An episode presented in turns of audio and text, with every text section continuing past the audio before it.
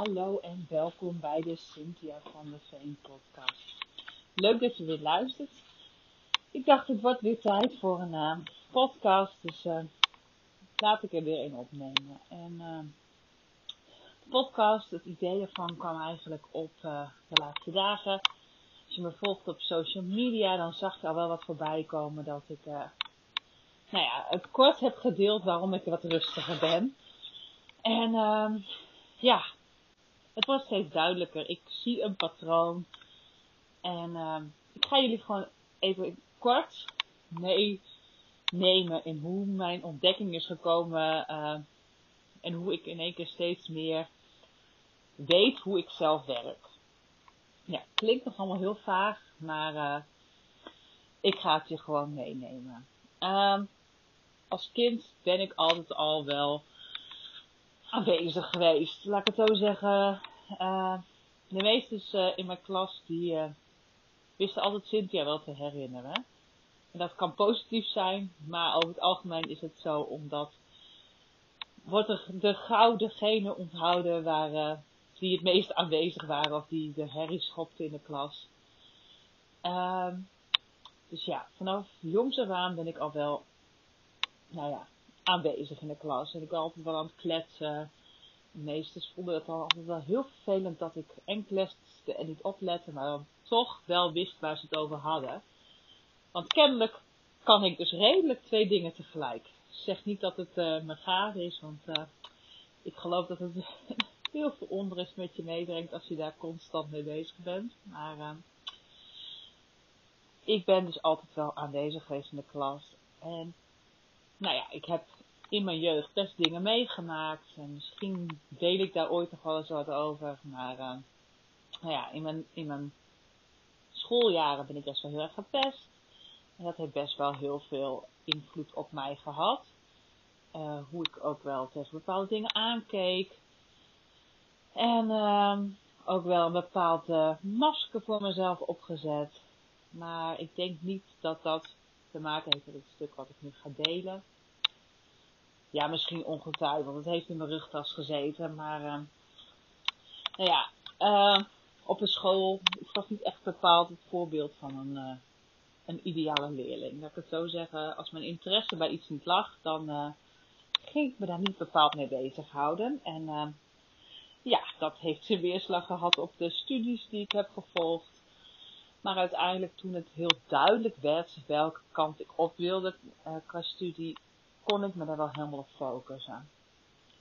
Alleen, toen ik op het hbo terecht kwam, kwam ik wel een beetje al mezelf tegen. Want ja, ik had nooit geleerd om te leren. Ik kon altijd me toch een beetje ertussendoor brengen. En uh, door juist inderdaad uh, onder mijn niveau uh, mijn opleiding te doen, ging het allemaal heel met gemak. Maar daar kwam ik mezelf al wat tegen. En ehm, toen wilde ik ook al heel veel dingen tegelijk. Altijd al wel. Altijd ook al geweest. Ook al als kind. En hobby's tegelijk. En weer in de volgende projecten starten. En, um, als de lol er een beetje af was, ook qua werk, dan zocht ik weer wat anders. En op zich is dat helemaal niet, niet een probleem als je dingen weer opnieuw wil, nieuwe impulsen wil hebben of nieuwe dingen wil ontdekken. Alleen, um, bij mij kwam het al voort uit een bepaalde onrust, onrust in mijn lijf die ik niet kon temmen met nou, iets anders. Het moest gewoon weer wat nieuws. En uh, ja, dat ging daar vol focus in. En dan uh, moest ik bij 9 van de 10 projecten na een korte tijd alweer of afhaken of afbellen. Of... En dat heb ik wel heel vaak moeten doen. Maar het was altijd nog dat je er een beetje tussendoor laveert en dat het geen probleem is. Nou ja, tijdens mijn studie voor HBOV uh, bedacht ik ook nog dat ik het leuk vond om tijdens de studie te gaan trouwen. Dus in het jaar dat ik uh, stage liep, ging ik ook nog trouwen, ging ik een bruiloft organiseren. En ja, dat werkte niet. Dus de stage werd niet gehaald en uh, de trouwerij ging wel door, dus dat, dat was dan weer mooi. Maar toen kwam ik wel voor de eerste keer terecht bij, bij hulp.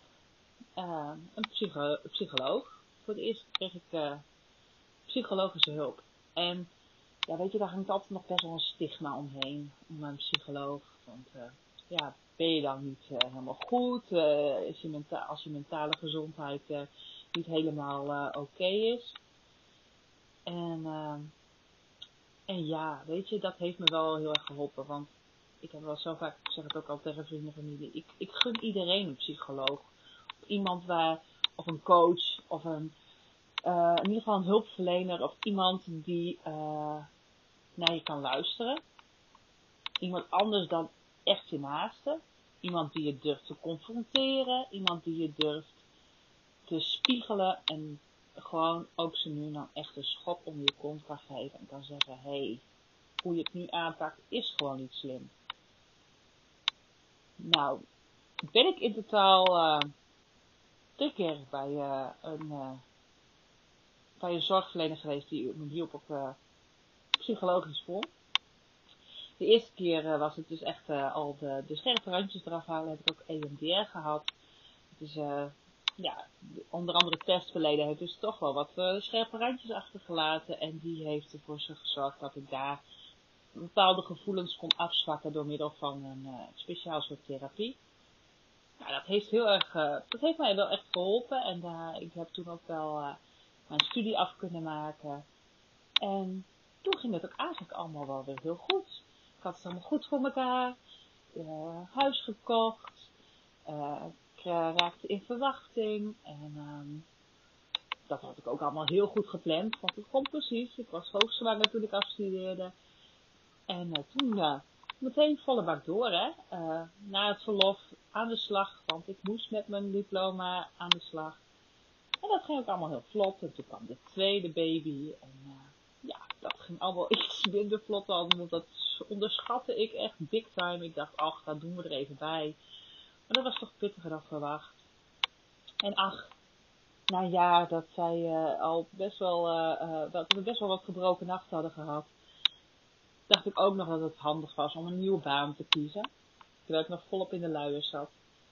Want, ja, ik had HBOV gedaan en ik wilde dus ook een baan als wijkverpleegkundige. Nou ja, dat ging allemaal best wel oké. Maar ik merkte toch wel op een moment dat de functie niet bij me paste. Maar ja, je gaat door, want je kan niet zomaar weer een stapje terug doen. En uh, ik voelde dat het wel, uh, dat het wel pittig werd, steeds meer. En er was, ik was drie volle dagen van huis. En ik vond het best wel pittig. Maar je gaat door, je gaat door. Je wil niet uh, laten zien dat je het niet trekt. Dus op een bepaald moment, uh, ja, toen viel ik om. En uh, dat is natuurlijk het verhaal van mijn burn-out. Ik heb dat nog nooit heel erg duidelijk gedeeld. Ik ga daar nu niet ook echt heel erg inhoudelijk in, maar ja, daar kwamen toch, vielen ook weer andere dingen op hun plek. En ja, dan merk je dus dat, je, uh, dat er nog steeds dingen zijn die niet genoeg uh, dat die nog niet zijn aangepakt. En toen ben ik wel nog dieper gegaan. Heb ik ook weer therapie gehad, cognitieve therapie dit keer.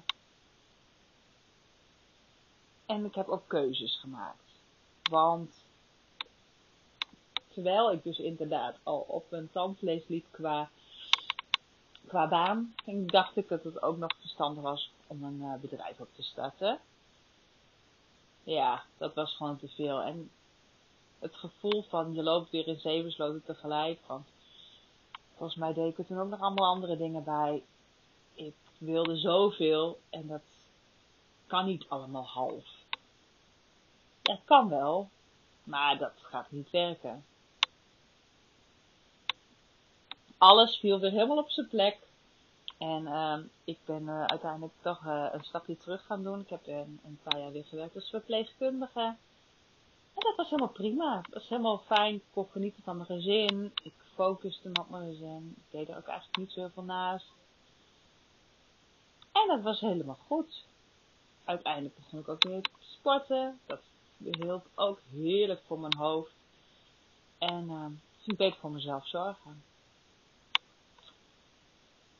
En ja, na een paar jaar begon ook daar wel weer te kriebelen. Ik kreeg weer een andere baan. Ik ben uiteindelijk uh, in een specialistisch team terechtgekomen. En uh, ja, dat ging eigenlijk eerst wel heel goed, maar dan merk ik toch, dan krijg je weer andere prikkels, je werkt weer anders. Uh, liep mezelf weer wat voorbij. En twee jaar terug begon het weer. Ik begon weer een gevoel te krijgen van, hé, hey, dit werkt niet. En toen ging ik uitzoeken, ben ik weer bij de POHGGZ terechtgekomen. En um, toen begonnen wel, ik kreeg steeds meer signalen om me heen die leidden in de richting van ADHD. Ik zal zeggen, ik heb geen diagnose gekregen. Dat heb ik ook niet, uh, bewust niet gedaan. Omdat ik op dit moment sowieso, uh, ja, ik had geen, ik had niet de behoefte om te starten met medicatie. En voor mij voegde op dat moment dan dus echt een, een definitieve diagnose niet, niet iets per se toe. Maar in de gesprekken werd wel heel duidelijk dat ik wel echt, ja, echt wel duidelijk kenmerken heb van ADHD. En, uh, en toen was hij even onderbroken, want ik uh, had mijn man ineens voor de deur staan met een bosje bloemen. Ja, dat was een, uh, soort spelletje, dus je, die moest eventjes aanbellen om het even aan te geven. Maar waar was ik gebleven? Um, nou ja, ik heb dus inderdaad niet de definitieve diagnose gekregen, maar ik heb wel duidelijke kenmerken. En um, sinds ik dat zie en dus ook ervaar, um, ja, vallen de dingen op zijn plek. Als je terugkijkt, dan zie je dat, je dat, dat ik dat als kind al wel die kenmerken had. En bij vrouwen is bewezen dat die, uh, wanneer ze ADHD hebben, dat ze dat wat makkelijker zich gaat aanpassen en dat het wat minder uh, opvalt. Ze zijn misschien wel druk, kletserig, maar het zijn niet per se uh, de drukke jongens, hè, zoals die stempel er vroeger altijd op gedrukt. Dus het wordt niet altijd onbekend en daardoor, uh, ja, gaan ze eigenlijk eerst nog wel een beetje mee. Maar op een bepaald moment als er belangrijke dingen in hun, uh, hun leven voorkomen, belangrijke veranderingen vallen in hun leven, dan komen ze wel eens het de nodige hobbels tegen. En bij mij gebeurde dat dus nu voor de derde keer. En uh,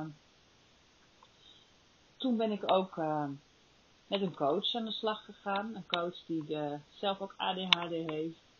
En die mij daarin heeft begeleid. Ehm, en daardoor ben ik echt zijn zoveel dingen op zijn plek gevallen. En daardoor herken ik. Ik herken uh, mijn eigen gedragingen en daardoor zie ik het nu ook eerder.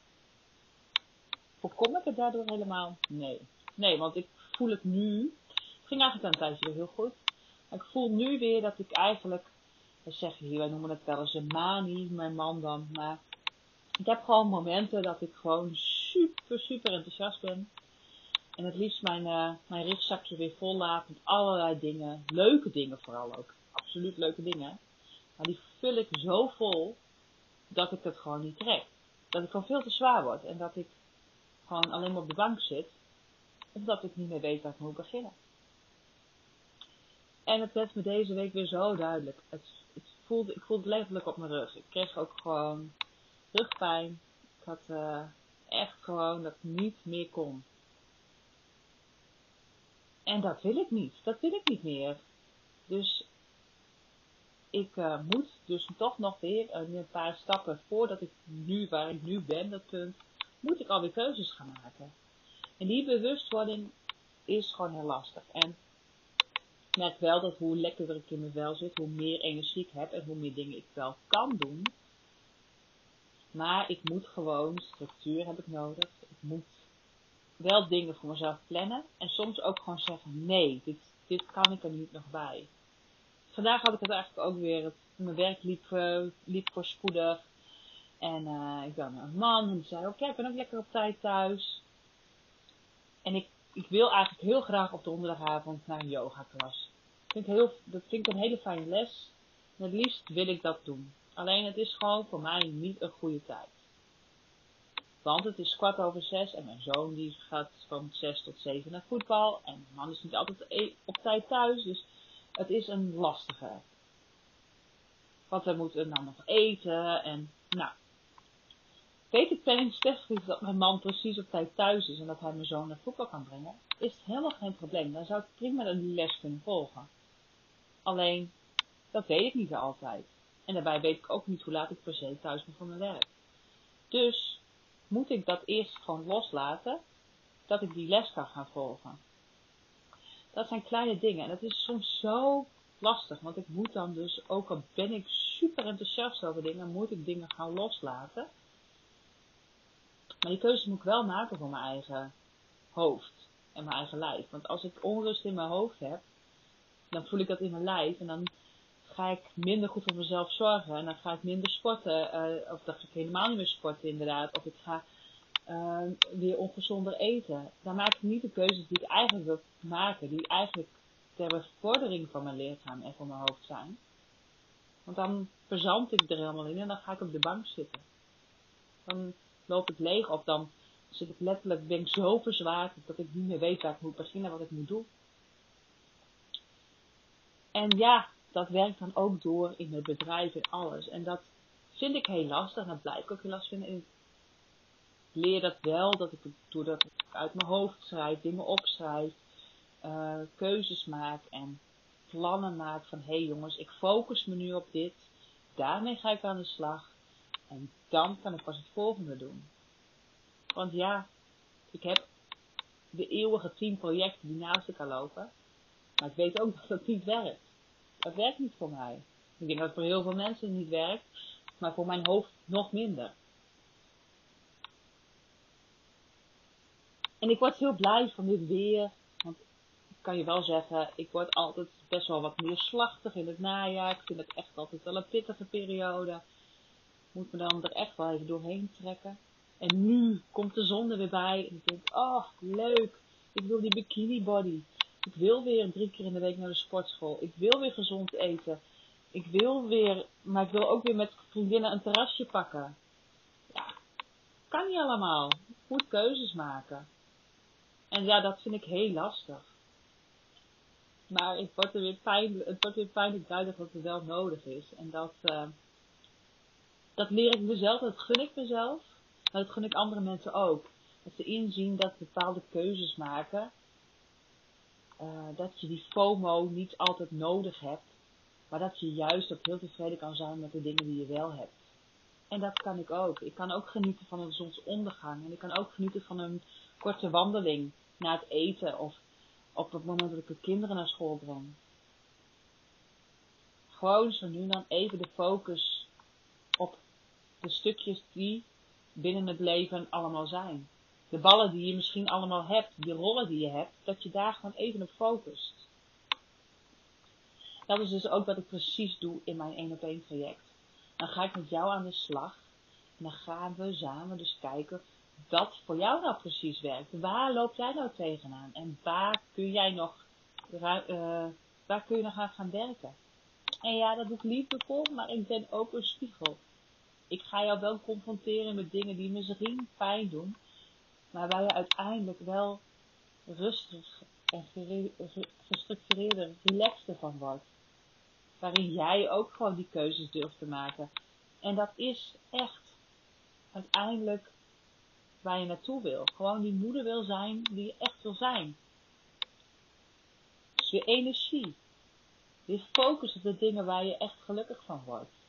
Structuur in huis en fijne energie liefde voor elkaar, voor jezelf. Vooral voor jezelf, want daar begint het. En ja, dat merk ik ook. Ik ga nu niet per se die focus leggen op een bikini body, want die heb ik al namelijk. Iedereen heeft een bikini body. dat hoeft niet maatje 36 te zijn, want ik weet dat ik maatje 36 niet ga krijgen. Dus ik doe de dingen voor mezelf omdat ik daar gewoon blij van word. Ik ben al een mooi mens word alleen maar relaxter en mooier van het feit dat ik gewoon lekker in mijn vel zit. Dus het zijn allemaal switches die je in jezelf maakt, waardoor je eigenlijk ziet dat je het allemaal al in je hebt. Dat wil je toch ook? Ben je nou nieuwsgierig en wil je kijken of jij met mij aan de slag wil? En wat we nou met elkaar kunnen bereiken. En al, alleen al een paar tips kan ontvangen van mij. Meld je aan voor het relaxte levenssessie. Dan gaan wij kijken waar jij naartoe kan en hoe ik je daarbij kan helpen. En dan uh, weet jij dat je ook voor de zomer gewoon lekkerder in je vel zit. Zonder dingen te hoeven te laten. Of nou ja, keuzes maken voor jezelf. Keuzes waar je echt gelukkig van wordt. Ja? Zoek mij, uh, je kunt mij vinden op mijn website, cynthia.com. Via socials kun je me ook altijd een DM sturen. Of in de highlights staat ook mijn diensten en meld je aan voor een relaxte levenssessie. Ja? Spreek ik je snel? En uh, vind je het nou leuk om deze uh, podcast te luisteren en wil je dat delen met je vrienden? Dat kan ook. Doe dat gewoon bij Spotify en deel. En het is natuurlijk ook heel fijn als je de podcast brengt. Dus geef even 5 sterren als je het leuk vindt. Dan weten andere mensen mij ook sneller te vinden. Bedankt voor het luisteren en tot de volgende keer.